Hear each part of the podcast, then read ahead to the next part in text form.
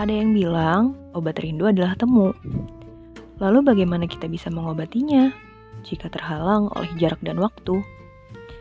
Tenang dong, di podcast ini aku akan mengajak kalian bersua lewat kata melalui karya-karya inspiratif dari penulis-penulis klasik maupun kontemporer.